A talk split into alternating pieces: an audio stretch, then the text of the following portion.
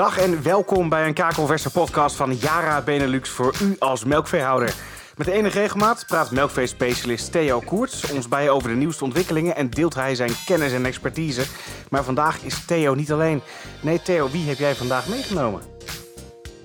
Ik heb uh, Gerrit meegenomen, Gerrit Hegen. En dat is een oude bekende van mij. Uh, toen ik nog volop uh, in mengvoerland actief was, kwam ik hem vaker tegen. Um, als weidecoach kwam ik hem ook tegen. Dus ik op veel plekken. En hij heeft heel veel verstand van, van koeien. En dus als oud veearts kan hij daar heel veel over vertellen. Maar ik denk dat Gerrit zich het beste zelf kan voorstellen. Ja, dat zou ik graag doen. Bedankt voor de uitnodiging. ik vind het leuk om een verhaal te vertellen over waar ik mee bezig ben. Uh, ik ben röntgendierenarts, uh, in uh, 1983 afgestudeerd, 31 jaar praktijk gedaan, in verschillende praktijken, maar de laatste tijd in Zuidoost-Drenthe. En daarna ben ik met een bedrijfje De Boerenveearts begonnen en ik geef cursussen en trainingen voor de zuivel. En ik doe één op één bedrijfsbezoeken op uitnodiging van, van veeartsen, boerenadviseurs en werk ook in vruchtbare kringloopprojecten. En zoals Theo al aangaf, ik ben ook bij de geworden in 2015. Kijk, een aardige portefeuille. Um, zo breed, daar gaan we het niet allemaal over hebben, want vandaag staat het element selenium centraal. Vorig jaar hebben we dat kort aangestipt in een van de eerdere podcasts van Yara Benelux, maar vandaag gaan we daar dus wat dieper op in. Want wat ik altijd geleerd heb, is dat selenium belangrijk is vanwege de weerstand, Theo. Vorig jaar heb ik besproken, ik had ook mijn haar smeren, daar heeft volgens mij wat andere effecten. Uh, maar de vraag vooral is, uh, selenium, wat is dat en krijgt de koe er voldoende van binnen? Nou, selenium is wel een heel belangrijk element. Vooral weerstand is een uh, belangrijk ding. Uh, vooral, uh, je ziet het, als er een gebrek is, zie je dat terug bijvoorbeeld in klauwen. Je ziet dat terug in celgetallen die hoger zijn. maar ook de productie van koeien die kan tegenvallen. Um, wat Gerrit ook heel belangrijk vindt is, vooral bij kalveren zie je het ook terugkomen. Bij, bij de geboorte kan het kalver vooral behoorlijk last van hebben dat het slappe kalveren geeft. Dus daar is het, is het heel belangrijk. Um, selenium zit uh, normaal gesproken niet al te veel in de bodem, maar uh, dat is direct al waar wij op, op duiden. Ga je met selenium aan de gang, kijk eerst naar je bodemanalyse, zit er voldoende in je bodem, kijk naar je kuilanalyse, zit er voldoende in je kuil, dan hoef je niet al te veel te doen.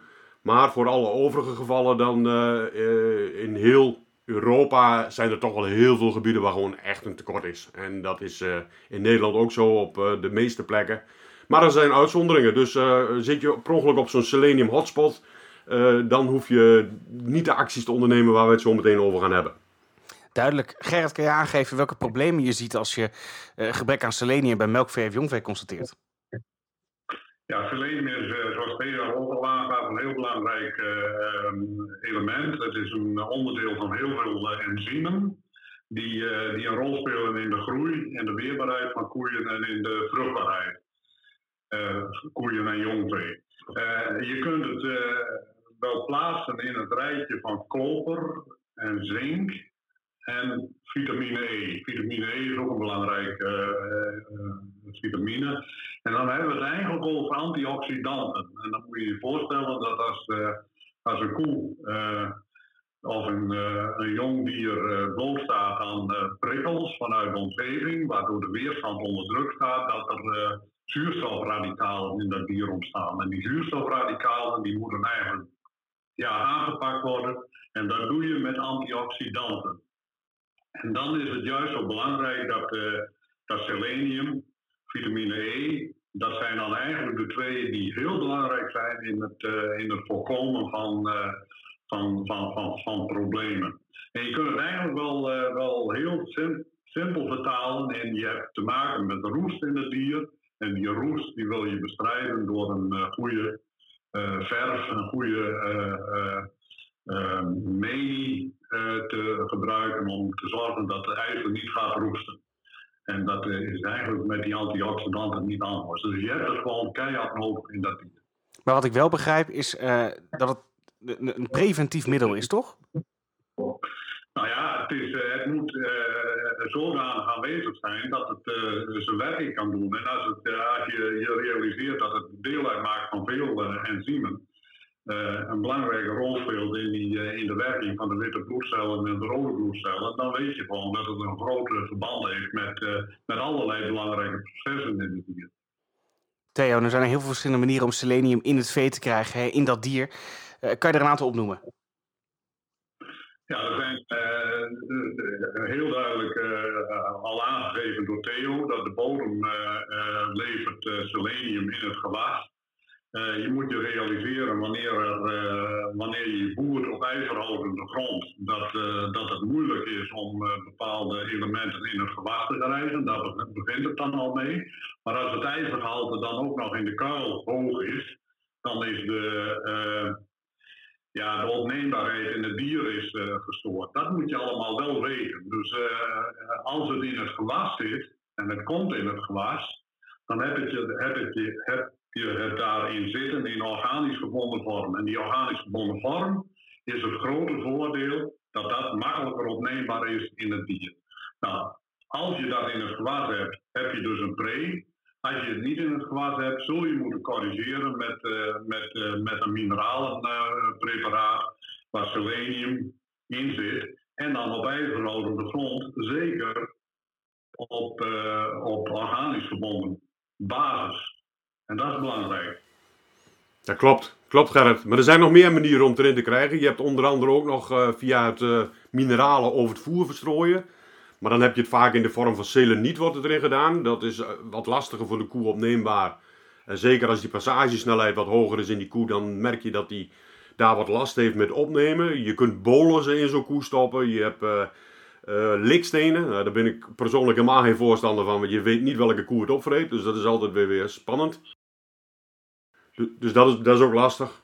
Ja, dat is lastig. En, en uh, de opname, opname, van mineralen verstrooid over het voer, als je gewoon een gemeen hebt en het kleeft aan het voer, dan is het uh, makkelijker dan wanneer het uh, over droog voer gestrooid wordt. Dat, dat is ook heel duidelijk. Ja, maar het is dus niet zo dat zo'n koe zelf in de gaten heeft dat het een tekort heeft aan selenium en dus naar zo'n liksteen toe gaat om dat tekort bij te vullen.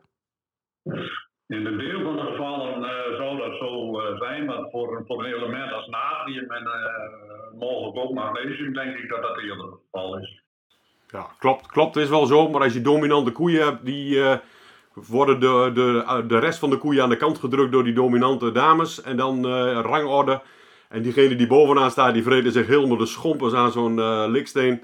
En die anderen die staan ernaar te kijken, die denken van ik wil ook wel een likje, maar die mogen er niet bij komen. Dus dat is, dat is wel eens nou, het... Even aanvullen net op, op jouw opmerking, dat uh, Theo, dat uh, passagesnelheid van de voedselbrei in de koe ook heel erg bepalend is voor, voor de opname van mineralen. Dus op het moment dat jij rust in de pens hebt en de verblijfsuur en de passagesnelheid zijn met, zijn met elkaar in, in overeenstemming, dan heb jij een veel betere opname van magnesium. Maar weet of er hoge ijzergehaltes in je graskuil in je uh, ruwvoer zit, want dat verdrinkt uh, uh, mineralen. En als organisch gebonden mineralen in de vorm van die selenium in dat voer zit, dan heb je minder problemen op ijzerhoudende grond. Theo, jullie bieden met Jara een, een meststof, de, de weidesulfan. Eh, dat is eigenlijk een mix van allemaal elementen in één meststof die er dus eigenlijk voor zorgt dat onder andere ook selenium in de bodem terechtkomt. Welke voordelen biedt dat dan met de opname voor de koe? Nou ja, de, de opname voor, voor, eh, voor de, de kunstmest, eh, waar wij het dan in stoppen, we stoppen het in de weidesulfan. In de weidesulfan zit dan de nitraat en ammoniummeststof, dus de stikstof die zit daar mooi verdeeld in. Uh, er zit ook nog wat zwavel in, uh, maar dat zal Gerrit ook wel kunnen onderschrijven. We moeten ook weer niet te veel zwavel hebben, want dat drukt ook selenium weer uit, het, uit de koe. Dus dat is, die, zijn antagonistisch. Dus die, die werken elkaar tegen. Dus we hebben daar een juiste verhouding in. Daar hebben we ook wel proeven mee gedaan. Dat het ook, ja, je moet altijd het optimum zoeken. Je kunt wel helemaal zonder zwavel, maar dan heb je minder grasgroei en minder eiwit in, de, in, in het gras. Um, en als je het selenium dan wegdrukt en je doet dan de selenium in de, in de meststof en je ziet dan dat die bloedwaardes wel oplopen als je het gaat voeren. En boeren zijn tevreden, die zeggen van ja, mijn koeien zijn gezonder en mijn kalveren zijn sterker bij de geboorte. Maar Gerrit, er is nog één plaats waar het vroeger ook veel gedaan werd. Dat was toch bijspuiten in de droogstand, werd toch uh, selenium gespoten? We hadden, uh, we hadden uh, twee, uh, twee middeltjes die, die konden we bijspuiten in de, in de, in de droogland of bij dragende fasen. Om, om, wat je al aangaf, die slapgeboren kalveren bij fasen, om dat te, te tackelen. op zich is dat best wel een, een goede methode gebleken. Maar ik denk dat je gewoon structureel dit soort dingen niet met de spuiten moet lossen. Maar dat je beter kan kiezen voor, ja, of in het gewas of via een verantwoorde manier een mineralenpreparaat in de koe. En jouw stokpaardje is toch ook een beetje het jongvee. Wat is, wat is daar jouw verhaal bij, Gerrit? Nou, dat, dat, dat jongvee toch vaak uh, gevoerd wordt met graskuil. En uh, dat kan heel goed. Maar het jongvee moet niet het kind van de rekening zijn wat betreft die, uh, die voorziening van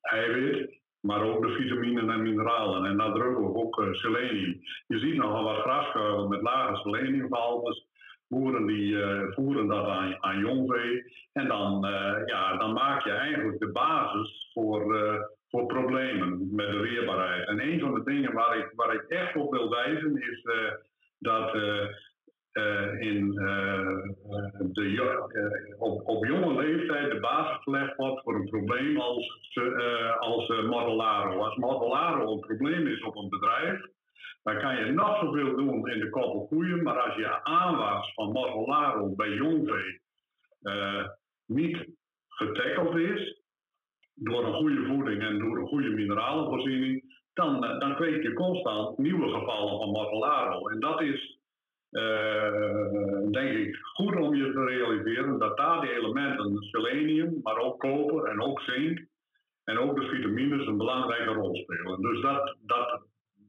dat pleit ervoor om goed te kijken naar de uh, uh, voorziening van onder andere selenium bij, bij het jongvee. Ja, begin niet te laat, begin al op tijd. Zo voorkom je problemen in de toekomst. Heren, ik wil jullie heel erg danken voor jullie bijdrage. Dus tot zover deze editie van de podcast van Jara Benelux voor de melkveehouder. Wist u trouwens al dat Jara deze dagen veel online te vinden is op de virtuele boerderij, de Jara Digifarm.